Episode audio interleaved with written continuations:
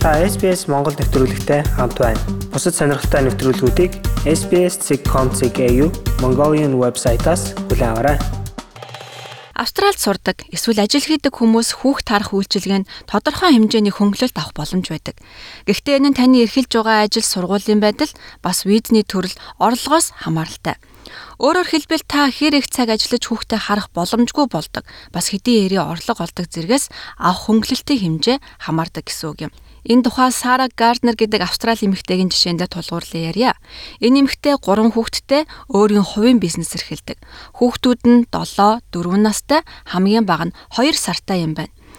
Сара сүүлийн 6 жилийн туршид бүтэн цагаар ажилласан. Хоёр баг хүүхдэд төрүүлээд 8-7 хоног л ажилласаа завсралжээ. Би хүүхэд харах үйлчилгээний хэд хэдэн төрлийг нь ашиглаж байсан.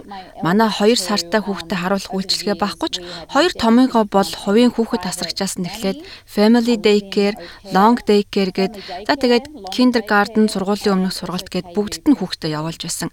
Бүгд л сайн таалж бай бас саар зүйлж байгаа. Өнгөрсөн хугацаанд миний ойлгосон нэг зүйл бол энэ үйлчилгээнүүдийг хослуулж авах нь зүгээр юм байна гэж ойлгоод байгаа. Австралийн боловсрал ажил эрхлэлт ур чадварын департаментийн хүүхэд асрах үйлчилгээний хэлтсийн дэд нарийн бичгийн дарга доктор Росс Бакстерийн тухайд ярихдаа эцэг эхчүүдэд хүүхдэд харуулах хэд хэдэн сонголт байгааг тайлбарлаж байна. Child care гэдэг бол эцэг эхчүүдэд санал болгодог манай нэг үйлчилгээний төрөл. Энэ бол төрөөс бага насны хүүхдүүдэд сайн боловсрал олгох, тэд нарыг асархад зориулсан үйлчилгээ. Өглөөнөөс орой болтол хүүхдэд өгч болох бүтэн өдрийн хүүхэд дарах үйлчилгээ гэж ойлгож болно. Бас нэг сонголт бол family daycare үйлчилгээ. Family daycare гэдэг бол тухайн хүүхдээ багшийнх нь гэрт нь аваачиж харуулдаг гэж товчхондоо ойлгож байна. Багш нарын ихэнх нь эмэгтэйчүүд байдаг. Гэхдээ бүгдээрээ биш л дээ. Тэд гэртээ хүүхдүүдийг хүлээж аваад асардаг, тодорхой хэмжээний боловсрал олгодог. Хүүхэд харах үйлчилгээний бас нэг хэлбэр бол сургуулийн бус цагаар буюу outside school hours care юм. Энэ нь хичээлийн бус цагаар буюу өглөө 6:30-аас 9-ийн хооронд өдөр 3-аас 6 цагийн хооронд бас сургуулийн амралтын үеэр хүүхдүүдэд харуулах боломжтой. За энд очих боломжгүй хүүхдүүдэд зориулсан энэ home care гэж бас байдаг. Энэ нь багш нь тухайн хүүхдийн гэрт нь очиж хардаг үйлчилгээ юм. Ийм үйлчилгээг ихэвчлэн бусад хүүхд гарах газруудаас хол амьдардаг эцэг эхчүүдийн ажиллах цагийн стандарт бус эсвэл тусгай хэрэгцээтэй айлын хүүхдүүдэд үзүүлдэг. Ингээд хүүхд харах үйлчилгээний 5 дахь хэлбэр буюу сургуулийн өмнөх насныханд зориулагдсан бас нэгэн үйлчилгээ байгаа. Энэ бол хүүхдүүдийг сургуульд орохоос нь жилийн өмнө хүлээж аваад богино хугацааны сургалт өгдөг хөтөлбөр юм. Хаана байгаагаас шалтгаалаад киндер заримд нь прескул гэж нэрлэгддэгч хамтын орнуудын бүх муж бүс нутгуудад хүүхдүүдийг сурах орчинтой танилцуулах, сургуульд ороход нь бэлдэх зорилготой. Доктор Бакстрийн хэлж байгаагаар хүүхэд харах газруудад хэдэн настай хүүхэд авах нь тухайн гэр бүлийн нөхцөл байдал хэрэгцээнээс шалтгаалдаг. Харин прескул буюу сургуулийн өмнөх боловсролыг сургуульд орохоос нэг жилийн өмнө олгодог. Хадагтай Сара Гарднерийн туршлагаас харахад хүүхдүүдийг баг багт нь family daycare илүү тохиромжтой байдаг гинэ. Хүүхдүүд маань 2 нас арай хүрээгүй байх үед нь надад хүүхдэд харуулах хэрэгцээ гарч ирсэн. Харамсалтай нь тэр үед манай гэрийн ойролцоо яг тохирох урт хугацаагаар хүүхэд харах газар олдоогүй л дээ. Тэгээд би daycare-үүдийг сонирхож судалсан. Ийм газруудын нэг давуу талыг ойлгосон. Тэнд олон хүүхэд цугладгүй За өдөртөө нэг 3-аас 4 хүүхдийг багш нь гэртээ хүлээж авдаг нь маш их таалагдсан. За харин нэг жоохон сөрөг зүйл гэж болох юм нь багш нь өвдсөн эсвэл амралтаа авсан үед ажилдгүү хаачхад надад өөрийнхөө ажлыг зохицуулж төлөвлөхөд хүндрэлтэй санагддаг байсан. Сарагийн хүүхдүүд 2 нас хүрээд бүтэн өдрийн цэцэрлэгт явж эхэлжээ. Дараа нь 3 нас гарантай болох үедээ цөөн хэдэн өдөр прескулдээ яваад бусад өдөр нь цэцэрлэгтээ явдаг байж. Long day care-т манай хүүхдүүд 2 настай байхасаа явж эхэлсэн. Энд хүүхдүүдийг бусдтайгаа нийгэмших, бусад хүүхдүүдтэй чөлөөтэй харьцаад чиглэсэн хөтөлбөртэй байдаг.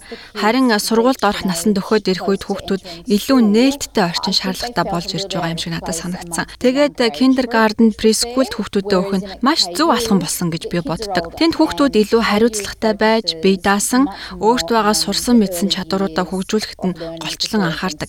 Энэ бол сургуульд орох гэж байгаа хүүхдүүдэд хамгийн чухал бэлтгэл гэж би ойлгоо Киндергартен бол ашигын төлөө бус Австралид ойролцоогоор 150 орчим киндергартен ажилладаг юм байна. Доктор Бакстрийн хэлж байгаагаар Австралид ийм хөтөлбөрийг зөвхөн киндергарденд бус за дэйкерт байгаа хүүхдүүд ч бас олгодог юм байна.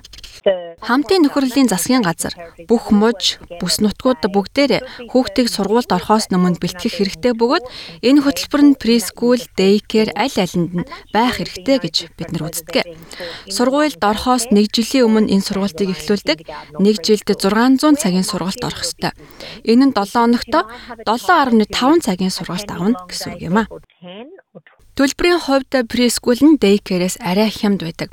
Тэгвэл дейкер үйлчилгээ яагаад илүү үнэтэй байх хэд хэдэн шалтгаан байдгийг доктор Багстер ингэж тайлбарлаж байна. Сургуулийн өмнөх боловсролын байгууллагууд дэйкерээс арай хямд байдаг нэг шалтгаан бол мужийн засгийн газар хамтын нөхөрлөлийн орнууд тухайн жилдээ татаас өгдөг. Энэ нь хүүхдүүдийн сурч боловсроход маш чухал байдаг учраас засгийн газраас анхаарч байгаа хэрэг юм. Зарим хүүхэд бүтэн өдрийг тэд өнгөрүүлдэгч эцэг эхчүүд бүх сургалт хоол, сургалтын хэрэглэгдэхүүний хангамжийн зардлын тодорхой хувийг л төлдөг гэсэн үг юм. Доктор Бакстер цааш нь ярихдаа зөвхөн прескулч биш, дейкерүүд, киндергарднууд бүгдээрээ төрөөс татаас авдаг юм байна. Прескулийн хувьд бид засгийн газраас татаас өгдөг. Бусад газруудад буюу family daycare зэрэг газруудад бид эцэг эхчүүд нь хөнгөлөлт үзүүлэх замаар татаас өгдөг. Энэ хөнгөлөлт нь тухайн айлын орлогоос хамаарч хэдий хэрэг байх нь тогтоогддог. Бакстрийн хэлж байгаагаар орлого багтаа байх тусмаа илүү хөнгөлөлт авдаг юм байна. Жишээ нь та жилд 70 мянган доллараас бага хэмжээний орлоготой байдаг бол төрөөс олгож байгаа хөнгөлөлтийн хамгийн өндөр хувь буюу 85% хөнгөлөлтийг эдлэн гэсэн үг юм. Энэ нь хүүхдийн тань цэцэрлэг 1 цагийн төлбөр нь 10 доллар байлаа гэж үзэхэд 85%-ийг нь төрөөс тааж та 1.5 долларыг нь төлнө гэсэн үг. Харин арай илүү орлоготой бол төрөөс 30% хөнгөлөлт эдлэн энэ нь та 10 долларын 3-ыг нь төлнө гэсэн үг шүү. Хүүхэд харах үйлчилгээнд хамрагдахын тулд та хүүхдээ бүртгүүлж нэрсийн жагсаалтанд оруулах ёстой. Хэрвээ та хүүхдээ өгөх гэж байгаа бол аль болох эртхэн жагсаалтанд оруулахыг зөвлөё. Учир нь зарим тохиолдолд 2 жил хүртэл хүлээх үеч байдаг юм а. Хүүхэд харах үйлчилгээний хөнгөлөлтийг Австралийн иргэн PR визатай хүмүүс за мөн төр хугацааны хамгаалалтын гэх мэт онцгой нөхцөлтэй визтэй хүмүүс авч болдгийм байна. Лайк, share, comment үлдээгээрэй. SBS Монгол Facebook хуудсыг дагахаа мартаоцай.